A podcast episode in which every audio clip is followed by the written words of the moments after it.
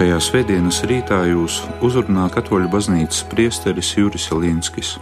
Lasījums no Jēzus Kristus evaņģēlija uzrakstījis Svētais Lūkas. Tajā laikā, kad bija sapulcējušies daudz ļaužu, tā ka tie spiedās cits citam virsū, Jēzus sāka runāt vispirms saviem mācekļiem: Sargieties no farizēju rauga, kas ir liekulība jo nav nekā apslēpta, kas netiktu atklāts, nec slepena, kas netiktu uzzināts. Jo tas, ko jūs sacījāt tumsā, dzirdams būs gaismā, un ko jūs istabās čukstējāt ausī, to sludinās no jumtiem. Tomēr es jums saku, saviem draugiem, nebaidieties no tiem, kas nonāvē miesu un pēc tam neko vairāk nespēj izdarīt.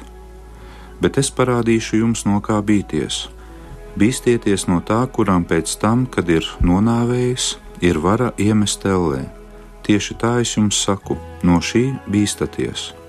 Vai tad piecus virbuļus nepārdot par diviem grašiem, un tomēr neviens no tiem nav aizmirsts dieva priekšā. Bet jums pat mati uz galvas ir saskaitīti. Nebaidieties, jūs esat vērtīgāki nekā daudzie zvirbuļi. Tie ir svētā evaņģēlīja vārdi.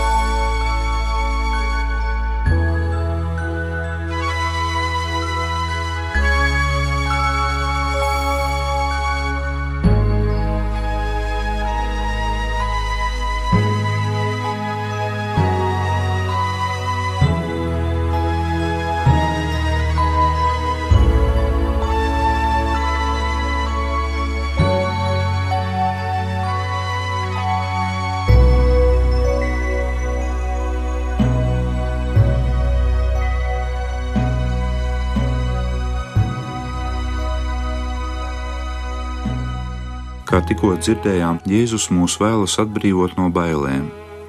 Trīs reizes viņš saka: Nebīsties no cilvēkiem, nebīsties no tiem, kas nokauj miesu, bet dvēseli nespēja nonāvēt, kā arī viņš saka, pat mati uz jūsu galvas ir saskaitīti. Tādēļ nebīsties. Jā, bailes tās ir viens no mūsu esenciāliem stāvokļiem, kas mūs pavada no bērnības līdz pat kapam. Mazs bērns baidās no tā, ka visi viņu atstās, baidās no tumsas, baidās no tiem, kas pret viņu paceļ balsi. Pusauģi bieži kautrējas no citiem cilvēkiem, viņos reizēm rodas mazvērtības komplekss, savukārt pieaugušiem reizēm ir bailes no apkārtējās pasaules, kas ir vardarbīga, viņiem ir bailes par savu veselību, par savu nākotni. Bet kas tad ir bailes? Tā ir viena no izpausmēm, kura izriet no mūsu pamatinstinkta saglabāties. Tā ir mūsu reakcija vai mūsu atbilde uz briesmām, vai tās būtu īstas vai tikai iedomātas, iesākot jau ar mūsu visu bailēm no nāves, un beidzot ar to, ka tā ir mūsu reakcija uz briesmām, kuras apdraud mūsu mieru, fizisko neaizskaramību vai jūtu pasauli. Atkarībā no tā, vai briesmas ir reālas vai tikai iedomājamas, mēs varam runāt par pamatotām un nepamatotām bailēm. Un šīm pēdējām var būt arī patoloģisks raksturs, kā piemēram klaustrofobija, bailes no iedomātām slimībām un tā tālāk. Mēs varam arī mazliet savādāk iedalīt bailes, sakot, ka tās var būt akūtas vai hroniskas. Akūtas bailes rodas kādos atsevišķos īpašos gadījumos, piemēram, ja es redzu, ka man virsū traucas automašīna, vai ja zeme sāk trīcēt zem manām kājām. Šāda veida bailes tikpat, cik ātri ir radušās, tikpat ātri arī pāriet. Pietiek tikai, lai briesmas būtu pagājušas secen. Daudz bīstamākas tomēr ir hroniskās bailes. Tās ir tās bailes, kuras dzīvo kopā ar mums, kuras vai no dzimšanas, vai no kāda vēlāka laika ir kļuvušas par mūsu pašu sastāvdaļu. Vispār ir jāsaka, ka bailes arī tās hroniskās, nevar uzskatīt par ļaunumu pašu sevī. Bieži tās ir veids, lai sevi atklātu kaut ko varonīgu, lai atklātu sevī vēl kādu nezināmu spēku, jo patiešām tikai tas cilvēks, kas ir izjutis bailes, zina, kas ir varonība. Par ļaunumu šīs bailes kļūst tad, kad tās mūs it kā sēž no iekšpuses, kad tās mums neļauj dzīvot, kad tai vietā, lai mūs stimulētu uz kādu rīcību, tās mūs vienkārši paralizē. Tās ienes mūsu sirdī skumjas un nemieru, bet būtībā tās ir tikai iracionālas bailes kaut kā nezināma priekšā. Rezultātā parasti notiek sekojošais: ja briesmas nepastāv, tās tiek iedomātas, bet ja pastāv, tās tad tiek neskaitāmi daudz reižu palielinātas.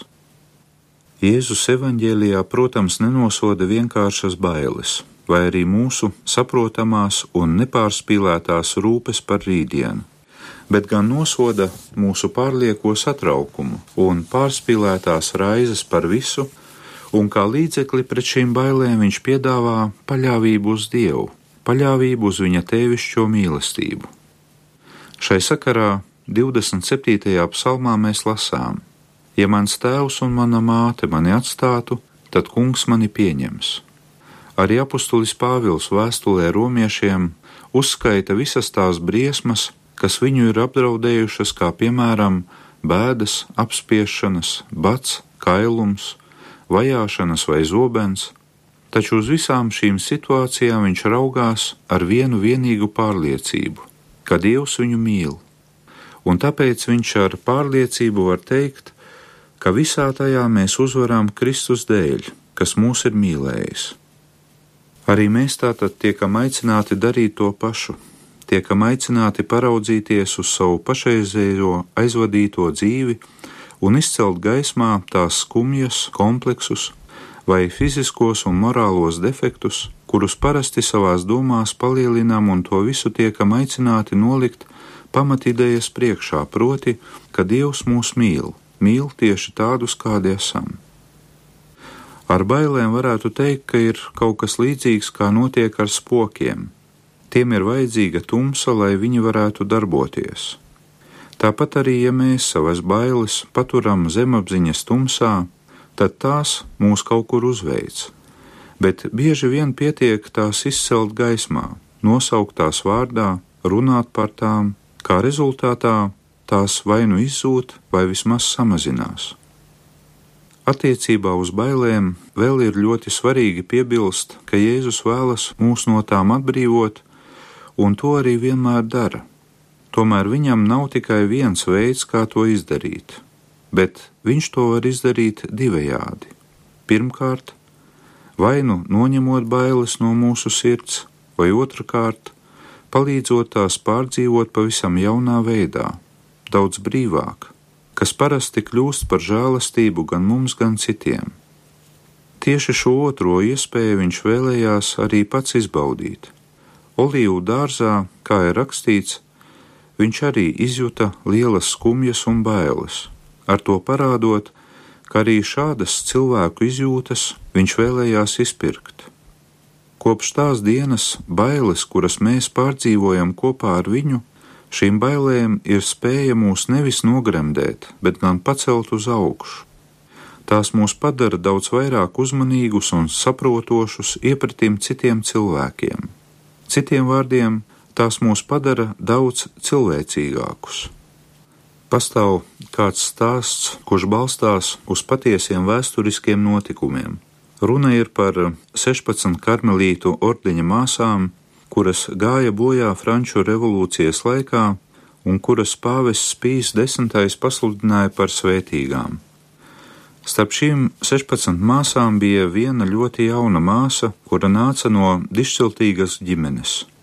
Viņa piedzima drīz pēc tam, kad viņas māte bija pārdzīvojusi briesmīgas bailes, un šī iemesla dēļ viņa pēc tam arī pati auga ar šādu iekšēju baiļu sajūtu.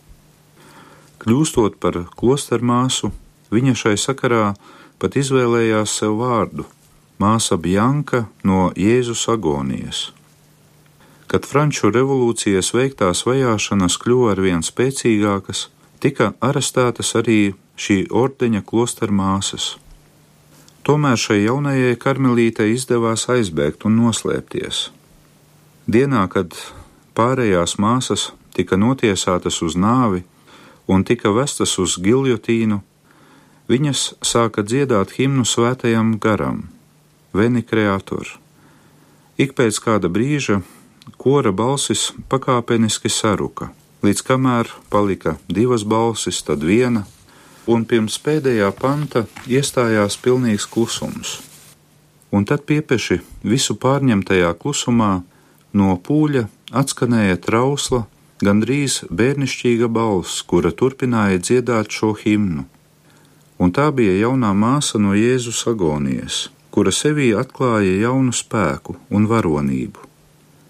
Dziedādama viņa kāpa virsū uz paaugstinājuma un nolika savu galvu zem giljotīnas. Viņas iedzimtās bailes, kā redzam, padarīja viņas moceklību vēl tīrāku. Lūk, lai šis piemērs ir kā iedrošinājums arī visiem tiem, kuriem neskatoties ne uz ko, tik un tā neizdodas uzveikt savas bailes. Ja svētais Francisks nāvi sauca par savu māsu, tad daudzi cilvēki noteikti to pašu var teikt arī par bailēm, kuras vienam otram patiešām ir kā sijāmas dvīnis, ar kuru ir jāsadzīvo kopā no dienas dienā. Tomēr vēlreiz atcerēsimies, ka Kristus ir atpestījis arī šīs cilvēku izjūtas, un pārdzīvojot tās kopā ar viņu, mēs spēsim pilnvērtīgi izdzīvot mūsu ikdienu.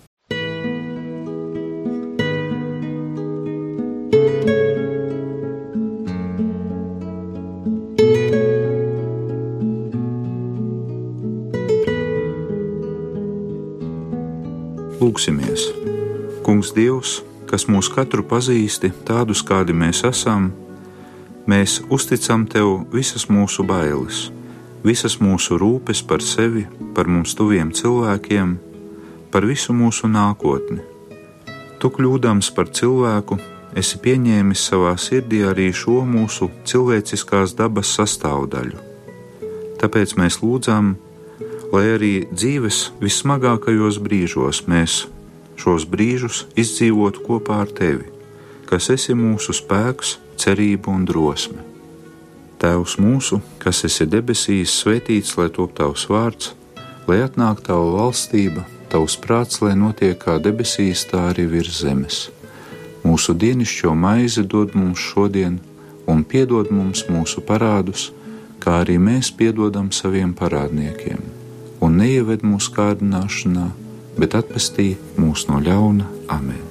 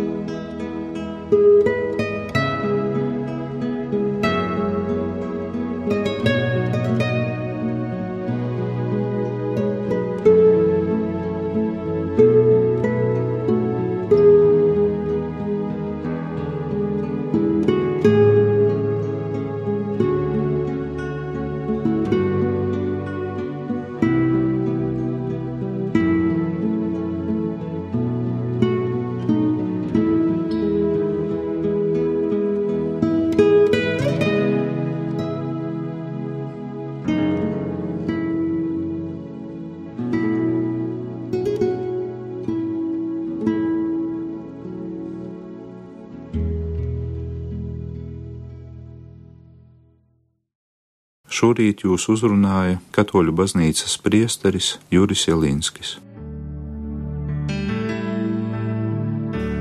Tu mans spēks, kad esmu vājš, tu mans dārgums meklētais, tu mans glužības. Kungs esmu bijis neprātis, tagad vien esmu sapratis mans glužības, tu mans spēks. Tu mans spēks, kad esmu vājš, tu mans dārgums meklētājs, tu mans glužības.